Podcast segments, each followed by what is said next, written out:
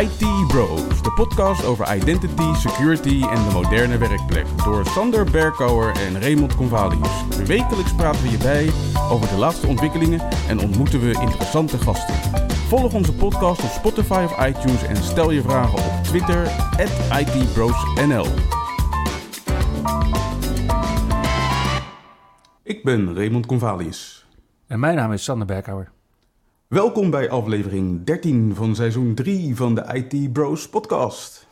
Met in deze podcast op, jawel, Wereld Backup Dag. Vergeet ze niet te maken als je ze maar één keer per jaar maakt. Het meest recente nieuws.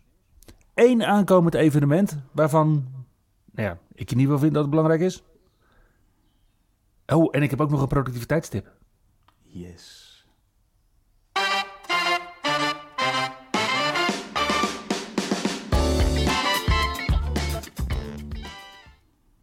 Maar we beginnen, zoals vanouds, met Windows nieuws. Op 30 maart was het volgens mij al een feestje bij de Windows Insiders, want er kwamen builds uit in zowel het Canary Channel als het Beta Channel. In het Canary Channel kwam beeld nummer 25330 uit. En in beeld nummer 25330 zien we onder andere dat ze de print screen knop hebben aangepast in de zin van dat hij tegenwoordig bij default de snipping tool opent. Yes. Ze hebben een nieuwe UI voor zogenaamde wheel devices uh, geïntroduceerd. En een wheel device, daar moet je je iets bij voorstellen als de Surface Dial. Verder kan de camera-app vanaf nu worden geuninstalled. Daar is ook best wel behoefte aan, denk ik, eh, bij sommige organisaties. Dat, denk ik ook. Ja. En ze hebben de Microsoft Store app aangepast, waardoor die onder andere makkelijker en sneller gratis apps kan installeren. Vervolgens kwam er ook een beeld uit in het beta-channel en dat is beeld nummer 23424. En wat ik wel bijzonder vind, is dat je grotendeels dezelfde verbeteringen hier terugziet. Dus onder andere ook makkelijker gratis apps installeren uit de store. Een nieuwe UI voor wheel devices. En wat ik daarnaast nog aangekondigd heb zien worden, dat had ik trouwens niet gelezen in het Canary Channel, maar dat moet er al lang in hebben gezeten. Dat is dat er performanceverbeteringen zijn doorgevoerd bij het zoeken in de settings app.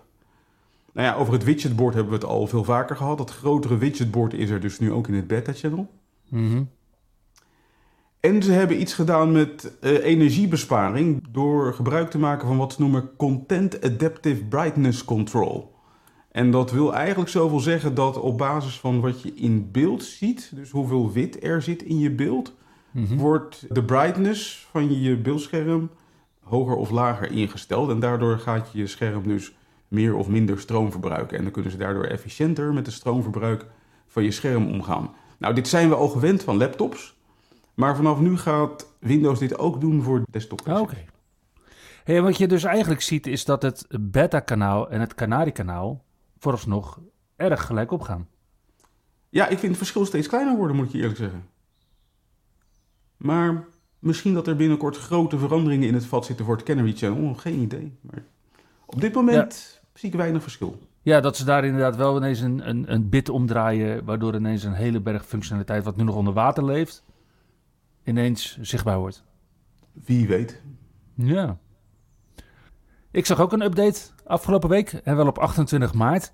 En dit was de eerste van wat wij sinds vorige week dan kennen als de optionele non-security updates. We spreken niet meer over C-updates, D-updates, maar over optionele non-security updates. En Microsoft heeft deze voor Windows 11 uitgebracht onder de noemer KB 5023778. En deze doet je Windows upgraden naar beeld 22621.1485. En wat we zien zijn notificaties voor Microsoft accounts in het startmenu. Dus vanaf volgende week, als je aanmeldt met een Microsoft account in je Windows, krijg je deze zogenoemde advertenties. PowerPoint blijft nu werken, daar was een issue mee. De narrator functionaliteit in Windows kan nu ook drop-down lijstjes voorlezen in Excel. En USB-printers worden nu niet langer geclassificeerd als multimedia apparaten. Dat zijn ze ook niet. nee, dat zijn ze inderdaad niet, nee. Nee, het zijn ondingen. Maar ja, die klassificatie is er niet. Nee, precies. Nou, van de week dook er weer een nieuwe gerucht op rond uh, de opvolger van Windows. We hebben Ah. natuurlijk al een tijdje dat er wat eh, geruchten rondzingen rondom Windows 12. En we hebben in het verleden... Oh, sorry, we hebben het over de opvolger van Windows 11.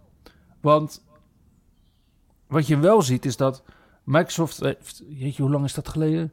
Misschien dat jij je dat ook nog wel kan herinneren. Singular. dat zou de opvolger worden van heel Windows.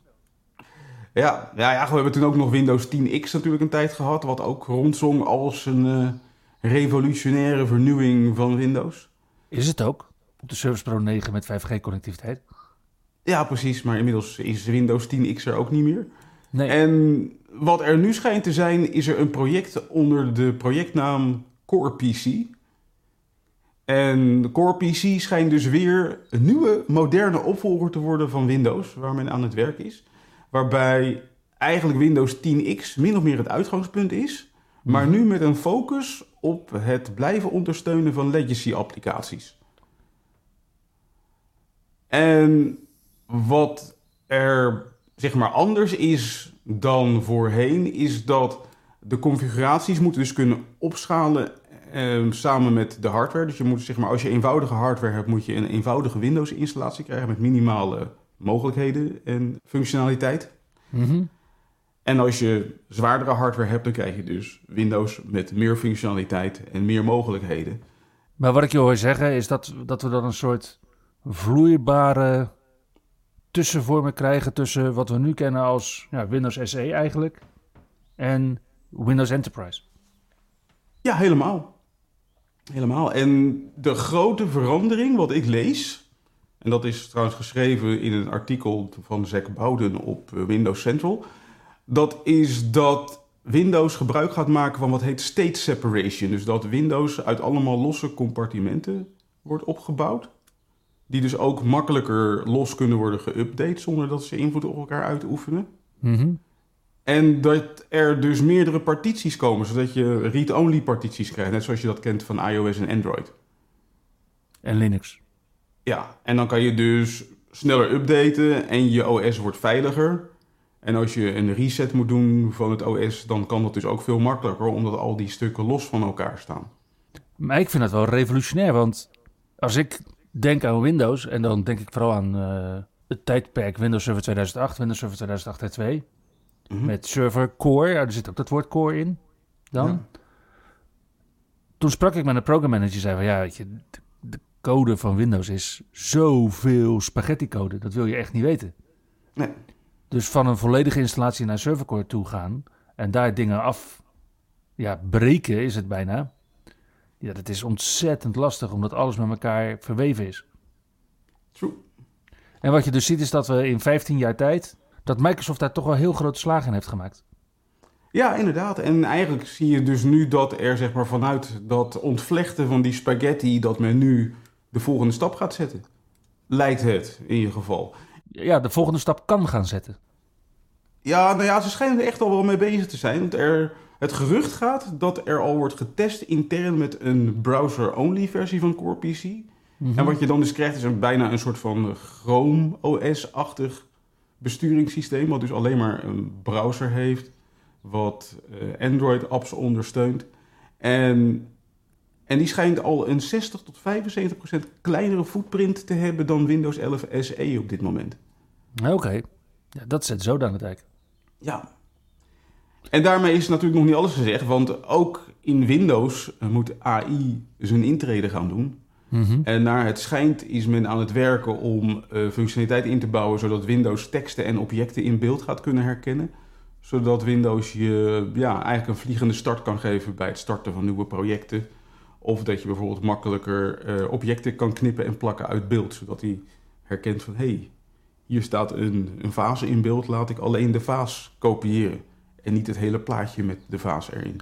Wat iOS ook doet inderdaad. Ja. Ja. Een vliegende start. Wauw, hoe zou zich dat in het Engels vertalen? Geen idee. Maar goed, vooralsnog zijn het allemaal geruchten. Microsoft geeft hier helemaal nog geen commentaar op, zoals Uiteraard niet. Nee, nee. En eh, wellicht dat we hier later dit jaar meer over gaan horen. Ondertussen is Microsoft wel gewoon aan het werk om bijvoorbeeld de Edge beter te maken. En in Edge hebben ze een tijdje terug hebben ze de workspaces geïntroduceerd. Ik weet niet of je dat nog kan herinneren. Voor enterprise gebruikers wordt het mogelijk om een workspace te starten, wat eigenlijk Mhm. een browsersessie is die je deelt met meerdere personen. Ja. Zodat je verschillende tabbladen kan openen en dat alle deelnemers aan zo'n workspace precies datzelfde browservenster zien met al die tabbladen. En dat dat ja, live mee verandert voor iedereen. Nou, dat wordt nu uitgebreid met een preview voor Microsoft-accounts. Oké. Dus al die ludieke voorbeelden die we een aantal afleveringen geleden hebben bedacht, kunnen we nu ook met Microsoft-accounts delen. Inderdaad. Ik denk dat we dit ook eens een keer moeten gaan proberen tijdens de opname van de podcast. Eens kijken wat het oplevert. Maar goed, Hmm. Als je hier aan wilt deelnemen, dan kan dat vrij eenvoudig via een link die is gepubliceerd op dit moment op de NeoWin website. Moet je maar even kijken in de show notes zometeen. En uiteraard, omdat het een preview is, Microsoft ziet graag je feedback op eh, deze nieuwe functionaliteit. En die feedback die kan je geven door Alt-Shift-I in te drukken. Inderdaad. Nu was er afgelopen weken ook nog een storm in een glas water gaande rondom de Acropolis bug. En dat is een bug die zowel optrad in Android als in Windows. Namelijk Mhm. als je een screenshot had genomen en die screenshot die kropte je. Dus je haalde stukken uit de afbeelding en die sloeg je opnieuw op. Dan werden de stukken die je uit de afbeelding had gehaald nog steeds opgeslagen. En dan kon dus een kwaadwillende, die kon dat plaatje terugbrengen naar zijn origineel. En daardoor dus stukken van die afbeelding die jij wellicht niet wilde meesturen, terughaalde halen uit die afbeelding. Jij zegt het is een storm in een glas water. Maar Microsoft heeft daar dus een out-of-band update voor uitgebracht op 24 maart om dit probleem op te lossen. Ja. Uiteindelijk hebben ze het erkend en is er een CVE-artikel voor aangemaakt onder CVE 2023 28303. Mhm. En nou ja, noem het een out-of-band update. Het is een update van de app in de Microsoft Store. En die is inderdaad uitgebracht op 24 maart. En daarmee eh, is het probleem opgelost. Wat overigens niet aanwezig was in de originele versie van de snipping tool. Dus ergens onderweg hebben ze iets efficiënter gemaakt. Waardoor die oude informatie niet meer verdween uit je gesnipte screenshots. Ah, maar efficiënter maken, dat kan Microsoft wel. Bijvoorbeeld de nieuwe Teams client die nu beschikbaar is in preview. En deze Teams client is niet meer gebaseerd op Microsoft Angular JS, maar op React en WebView 2. En daardoor is die sneller, vraagt hij veel minder geheugen en krijgen we nieuwe functies zoals avatars. De nieuwe versie van Teams heeft multi-tenant support, die ook lekker crispy is. En Microsoft heeft de intentie om deze later in kalenderjaar 2023 generiek beschikbaar te maken. En ik zeg specifiek kalenderjaar, want dat is natuurlijk een dingetje bij Microsoft. Als ze zouden gewoon zeggen fiscaal jaar 2023, dan zouden we hem nog in de komende drie maanden zien. Nou, die hoop kun je opgeven. Zoals mijn opa vroeger altijd zei: laat je hoop varen, trek aan het touwtje. Hij komt later dit jaar. Hetzelfde voor de Mac client. En de manier hoe je kunt switchen naar de nieuwe Teams client is door die gewoon op enable te zetten in je Teams client. En dat kan ook centraal met de Teams update policy. Mhm. Een grote vraag is natuurlijk, Ray, ben jij al om? Ja, ik ben al om. Want eh, de belangrijkste functionaliteit die er in deze Teams client zit, is namelijk dat je in meerdere tenants ingelogd kan zijn op je Teams client. Ja, en dus notificaties kunt krijgen vanuit meerdere tenants. Ja, precies. Ja, en dat je ook gewoon makkelijk kan schakelen zonder dat je eerst moet uitloggen en dan weer inloggen in een andere tenant. Ja, het is een hele mooie functionaliteit. Helaas is het ook zo dat de nieuwe Teams client nog een aantal stukjes functionaliteit mist die de oude Teams client wel had. Dus dat betekent, Ray, dat je waarschijnlijk dus niet eh, in een government cloud werkt. Nee. Ja, die zijn sowieso spaars in, eh, in ons deel van de wereld, heb ik het idee. Je gebruikt geen advanced calling features, zoals calling queues en reverse number lookup. Je hebt ook geen eh, breakout rooms nodig, of die hele vette 7 bij 7 video, want die zit er namelijk ook niet in. Nee. En zoeken in chats en kanalen is ook nog niet beschikbaar. Maar ja, dat vind ik misschien eigenlijk wel een voordeel. Kunnen we daar niet gewoon een instelling voor hebben in Teams, dat dat sowieso lekker uitstaat? Nou, alleen nog maar vooruit kijken, niet meer achteruit zoeken. Ik zal nog eens kijken. Ik het was nog niet opgevallen dat Search er niet in zat. Want die zal ik nog wel gaan missen, ben ik bang. Nou, je kan altijd terug naar de oude client, hè? Ja, natuurlijk. Gewoon weer 400 MB eh, ritueel offeren aan de teamsgoden en dan ben je weer terug. Nou, ik had daar wel een workaround voor eigenlijk. Want ik gebruikte Teams als progressive web app. Om te kunnen inloggen op een andere tenant. En die doet het best oké. Maar daar mis je die geavanceerde functionaliteit ook. Ja, precies. Nou ja, die, die search werkt daar gewoon in de chats en channels. Dus, eh, Ja, precies. Dus dan kun je inderdaad even switchen naar je PWA om even te zoeken. Inderdaad. Wat betreft Teams is Microsoft ook aan het verbeteren wat betreft de security. Ze zijn namelijk bezig met het introduceren van collaboration security in Teams. En dat is op dit moment in preview. En wat het eigenlijk doet, is dat alle beveiligingsopties die we gewend zijn van mail, die worden nu ook gebracht naar Teams. Dus je krijgt betere beveiliging tegen alle mogelijke vormen van phishing aanvallen, eh, spam. Dat soort zaken worden zeg maar nu vanaf nu ook onderschept in chatberichten in Teams of documenten in Teams. Microsoft zelf adverteert het als preventive, detective en protective features that ensure end-to-end security. Oeh, dat klinkt chic. dat klinkt inderdaad chic. Maar goed, waar, waar het op neerkomt is dus dat verdachte berichten nu kunnen worden gerapporteerd door eindgebruikers. Er zit iets in dat noemen ze Zero Hour Purge. En dat wil eigenlijk zeggen dat ze real-time gaan scannen op berichten die worden uitgewisseld. En advanced hunting wordt mogelijk voor teams. Zodat eh, ja, de beroepszoekers naar kwetsbaarheden in je omgeving ook aan de slag kunnen met teamsberichten. Verder kunnen beheerders vanaf nu phishing simulaties opzetten in Teams. Ook heel leuk.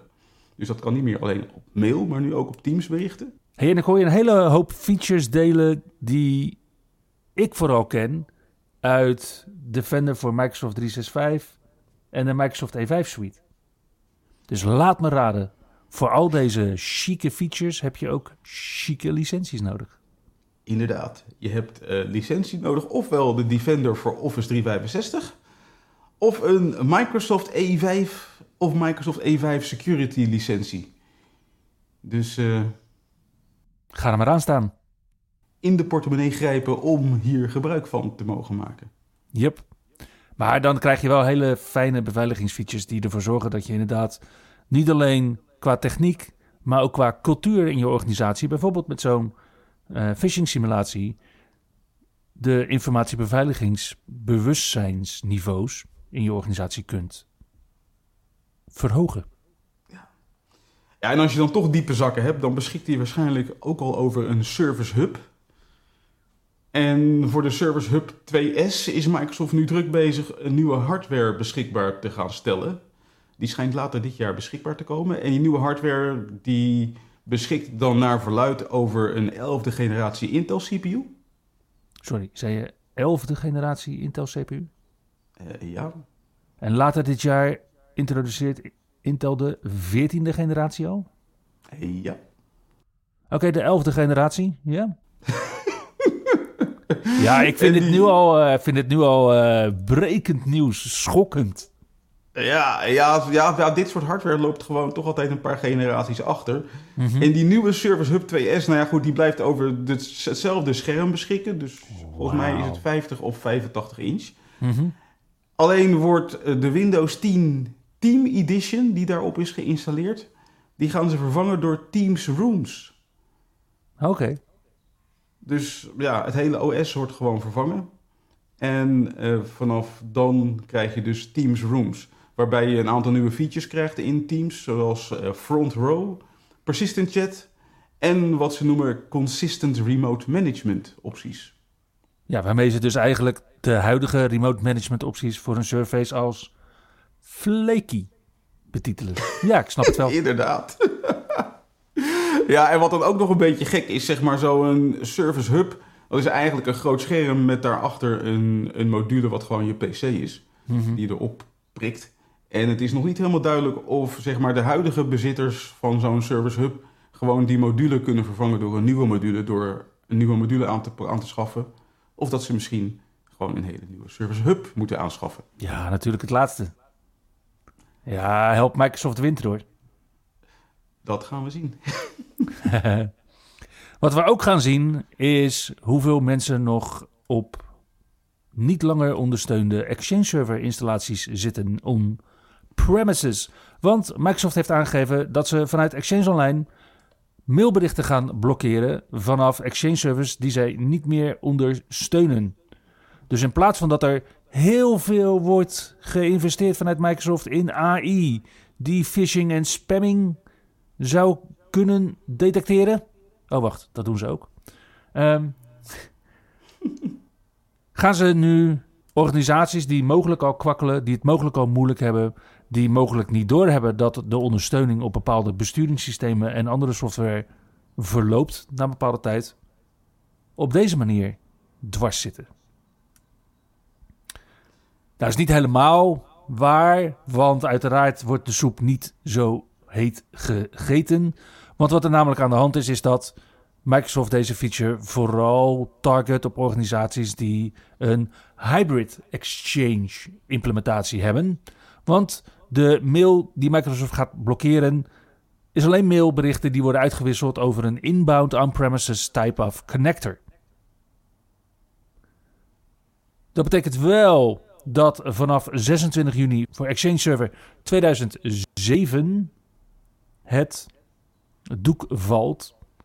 En ik zeg specifiek vanaf 26 juni, want die blokkade die begint dan 90 dagen na het einde van ondersteuning. En dat betekent dat we dit later ook gaan zien voor Exchange Server 2010 en Exchange Server 2013. Ja, dus als je nog op zo'n oude versie van Exchange zit, uh, wordt het tijd om toch daadwerkelijk het traject te starten. Ja, en ik ben steeds vaker benieuwd waarom organisaties inderdaad nog steeds een on-prem Exchange server bijhouden. Ik kan me een aantal redenen verzinnen, maar ik weet niet of het echt goede redenen zijn. Ja, het zijn er wel steeds minder. Maar goed, mocht je nog twijfelen, op 10 mei aanstaande is er een Ask Me Anything van het Exchange team. En mocht je nog twijfelen of vragen hebben, stel ze dan. Ja, en mocht je nog twijfelen of vragen hebben of je wel af moet stappen van ADFS.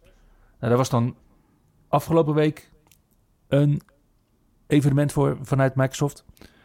Maar een van de dingen waar Microsoft nog aan het werken was, wat sommige ADFS-beheerders mee worstelen, is het stukje custom claims. Laat ik, het zo, laat ik het zo maar even noemen. Want ik kom bij best wel veel organisaties langs die ADFS hebben. En dan hebben ze Active Directory gekoppeld aan ADFS. Zodat je daar inderdaad, daar heb je je user principal nemen en allemaal dat soort dingen, zodat je daadwerkelijk kunt aanmelden. En dan hebben ze een LDAP store, is dat meestal. Die hebben ze dan ook gekoppeld. En in die LDAP store hebben ze dan bijvoorbeeld rollen opgeslagen. Zodat als jij een bepaalde applicatie hebt, dat je ook nog bepaalde extra claims kunt meegeven aan die applicatie. Met bijvoorbeeld je rol in die applicatie. Nou, dat werkt helemaal goed met ADFS.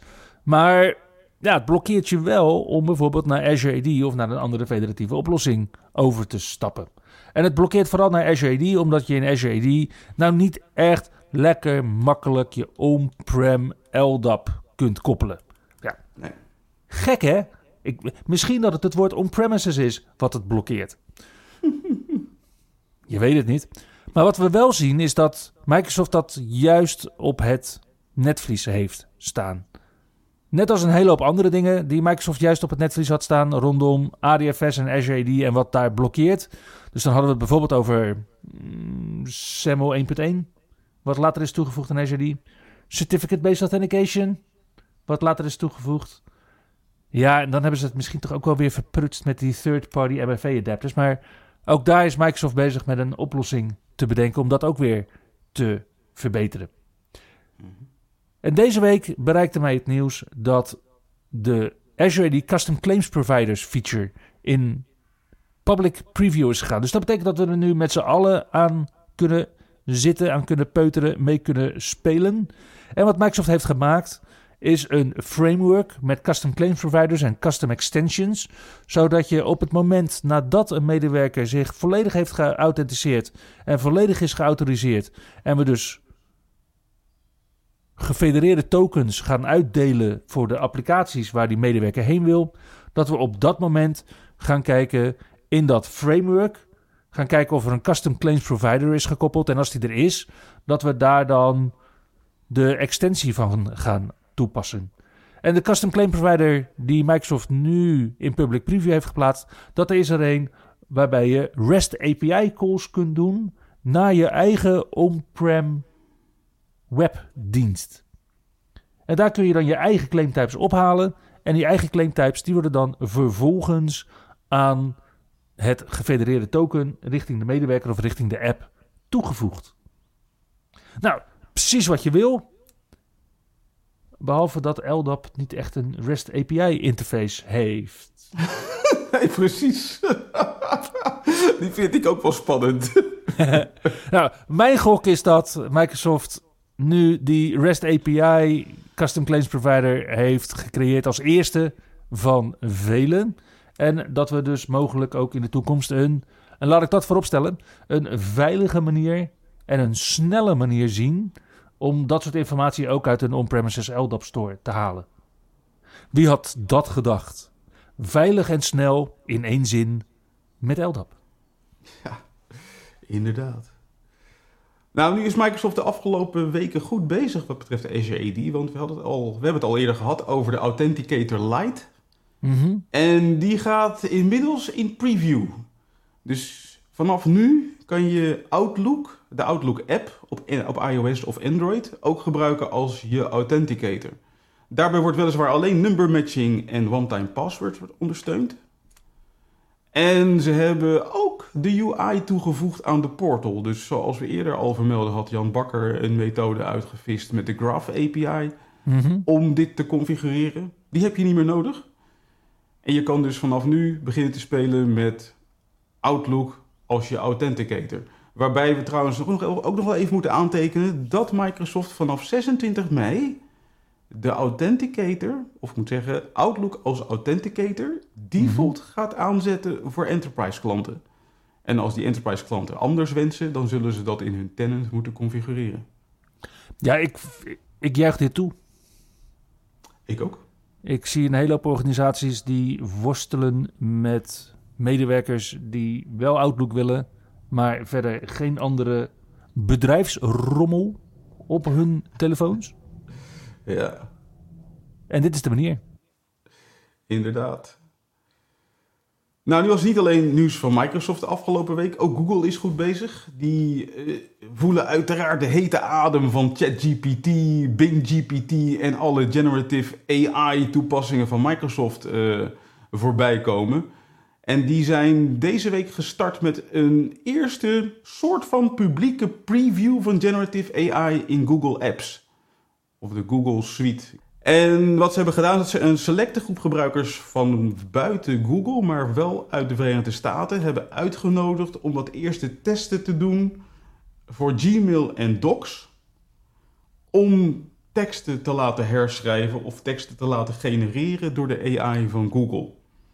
Waarbij aan de deelnemers wordt gevraagd om feedback te sturen aan Google. Maar ze zijn nog niet zover dat dit zeg maar een soort van open beta wordt. En er is zelfs nog geen wachtlijst beschikbaar. Maar ja, er zijn wel al screenshots gelekt van hoe Google dit mogelijk heeft gemaakt binnen apps en Gmail. En wat je ziet is dat je kan dan dus zeg maar een soort van eh, stukje tekst schrijven of een opdracht voor een stukje tekst. En vervolgens krijg je een soort van toverstafje in beeld. En Mhm. dat toverstafje genereert dan je tekst voor je zoals we dat nu ook gewend zijn van ChatGPT. Ah, Oké, Nou, naast Google was Apple ook eh, aan het werk. zeker. Apple heeft iOS versie 16.4 uitgebracht op 27 maart. En in deze versie van iOS is de belangrijkste nieuwe functionaliteit dat progressive webapps die je hebt toegevoegd aan het homescreen van je apparaat nu ook Mhm. notificaties kunnen versturen. En ik denk dat je dochter trouwens ook heel blij zal zijn met deze nieuwe versie, want er zijn 21 nieuwe emojis geïntroduceerd. Ja, ik ben vooral heel blij met deze versie, want dat betekent inderdaad dat ik mijn dochter makkelijk kan overhalen om deze versie te installeren, waarin ook een hele berg kwetsbaarheden in iOS is geadresseerd, waaronder een zero day. Ja. Daarnaast zijn er wat aanpassingen gedaan als het gaat om het werken met developer beta's. Dat kon altijd met certificaten, maar vanaf nu heb je daar een betaald account voor nodig om toegang te krijgen tot de ontwikkeltools. En niet alleen iOS 16.4 is uitgebracht, maar is ook een nieuwe versie van macOS uitgekomen, namelijk versie 13.3. En van watchOS, dat is versie 9.4.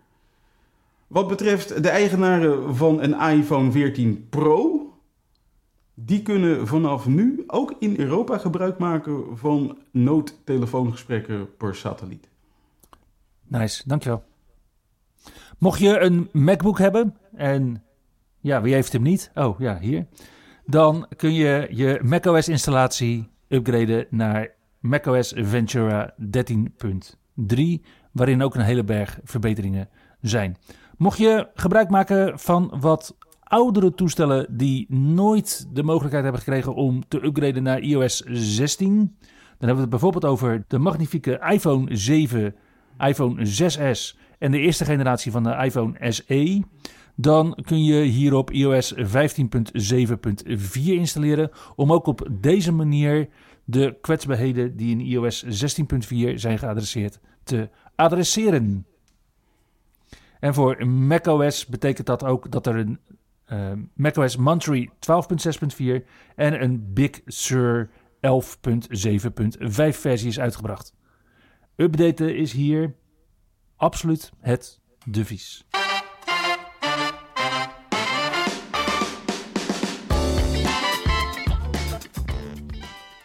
Kijk, ik kan je wel vertellen dat er een Kubernetes evenement is volgende week en dat er een evenement is waarbij je alles leert over Power BI. Maar eigenlijk, eerlijk gezegd, denk ik niet dat je dat interessant vindt. In plaats daarvan deel ik één evenement deze week.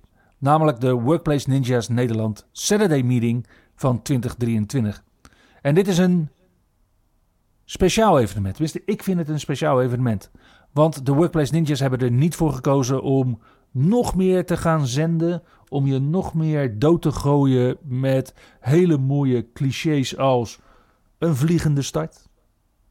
Of hele mooie dingen die je alleen maar in E5 licenties vindt. Nee.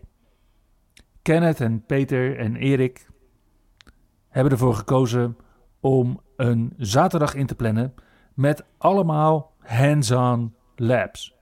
Dus wanneer je naar Fastlane in Utrecht gaat op zaterdag 8 april, dan kun je daar vanaf 10 uur tot 4 uur helemaal los op alles wat je maar kunt verzinnen met betrekking tot endpoint management. Uiteraard zijn de mannen er ook, dus elke vraag die je hebt uh, rondom deze labs, maar ook elke vraag die je hebt daarnaast, en ik zou het computer gerelateerd houden, denk ik, kun je gewoon op die dag stellen. Cool. Zo'n dagje hands-on labs met de Workplace Ninjas op zaterdag 8 april.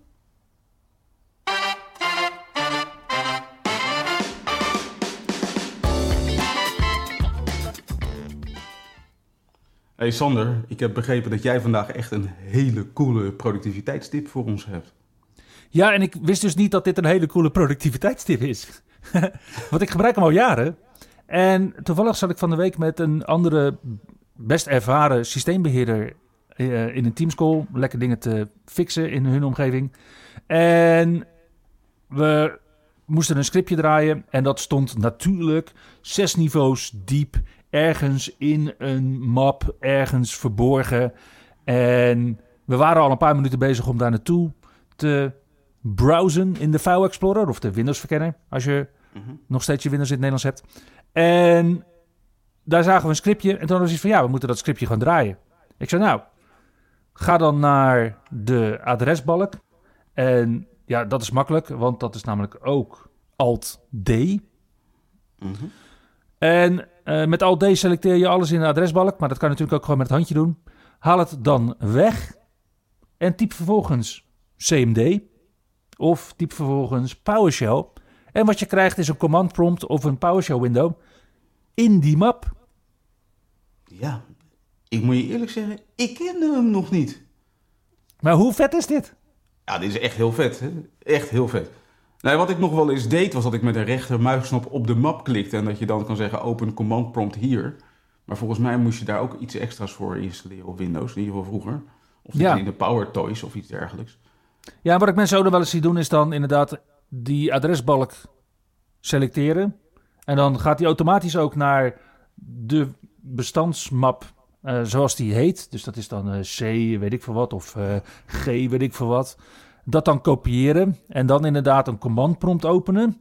En daar dan inderdaad zeggen cd spatie en dan de map. Ja, ja, en dan moet je ook nog zorgen dat je er quotes omheen zet en zo. Wat soort ellende.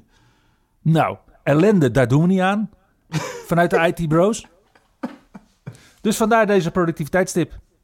Als je een Windows-verkenner bent, Alt-D, Backspace, CMD of PowerShell en Enter. Helemaal cool. Hey Sander, dank je wel voor deze tip. Ik ga hem absoluut heel vaak toepassen de komende tijd. Alright. En daarmee komen we aan het einde van aflevering 13 van seizoen 3 van de IT Bros podcast. Dankjewel voor het luisteren en tot volgende week. Tot de volgende keer. Je luisterde naar IT Bros, de wekelijkse podcast over identity, security en de moderne werkplek. Abonneer je op Spotify, iTunes of Google Podcast als je de volgende aflevering niet wilt missen. Heb je hints of tips? Laat dan van je horen op Twitter. @itbrosnl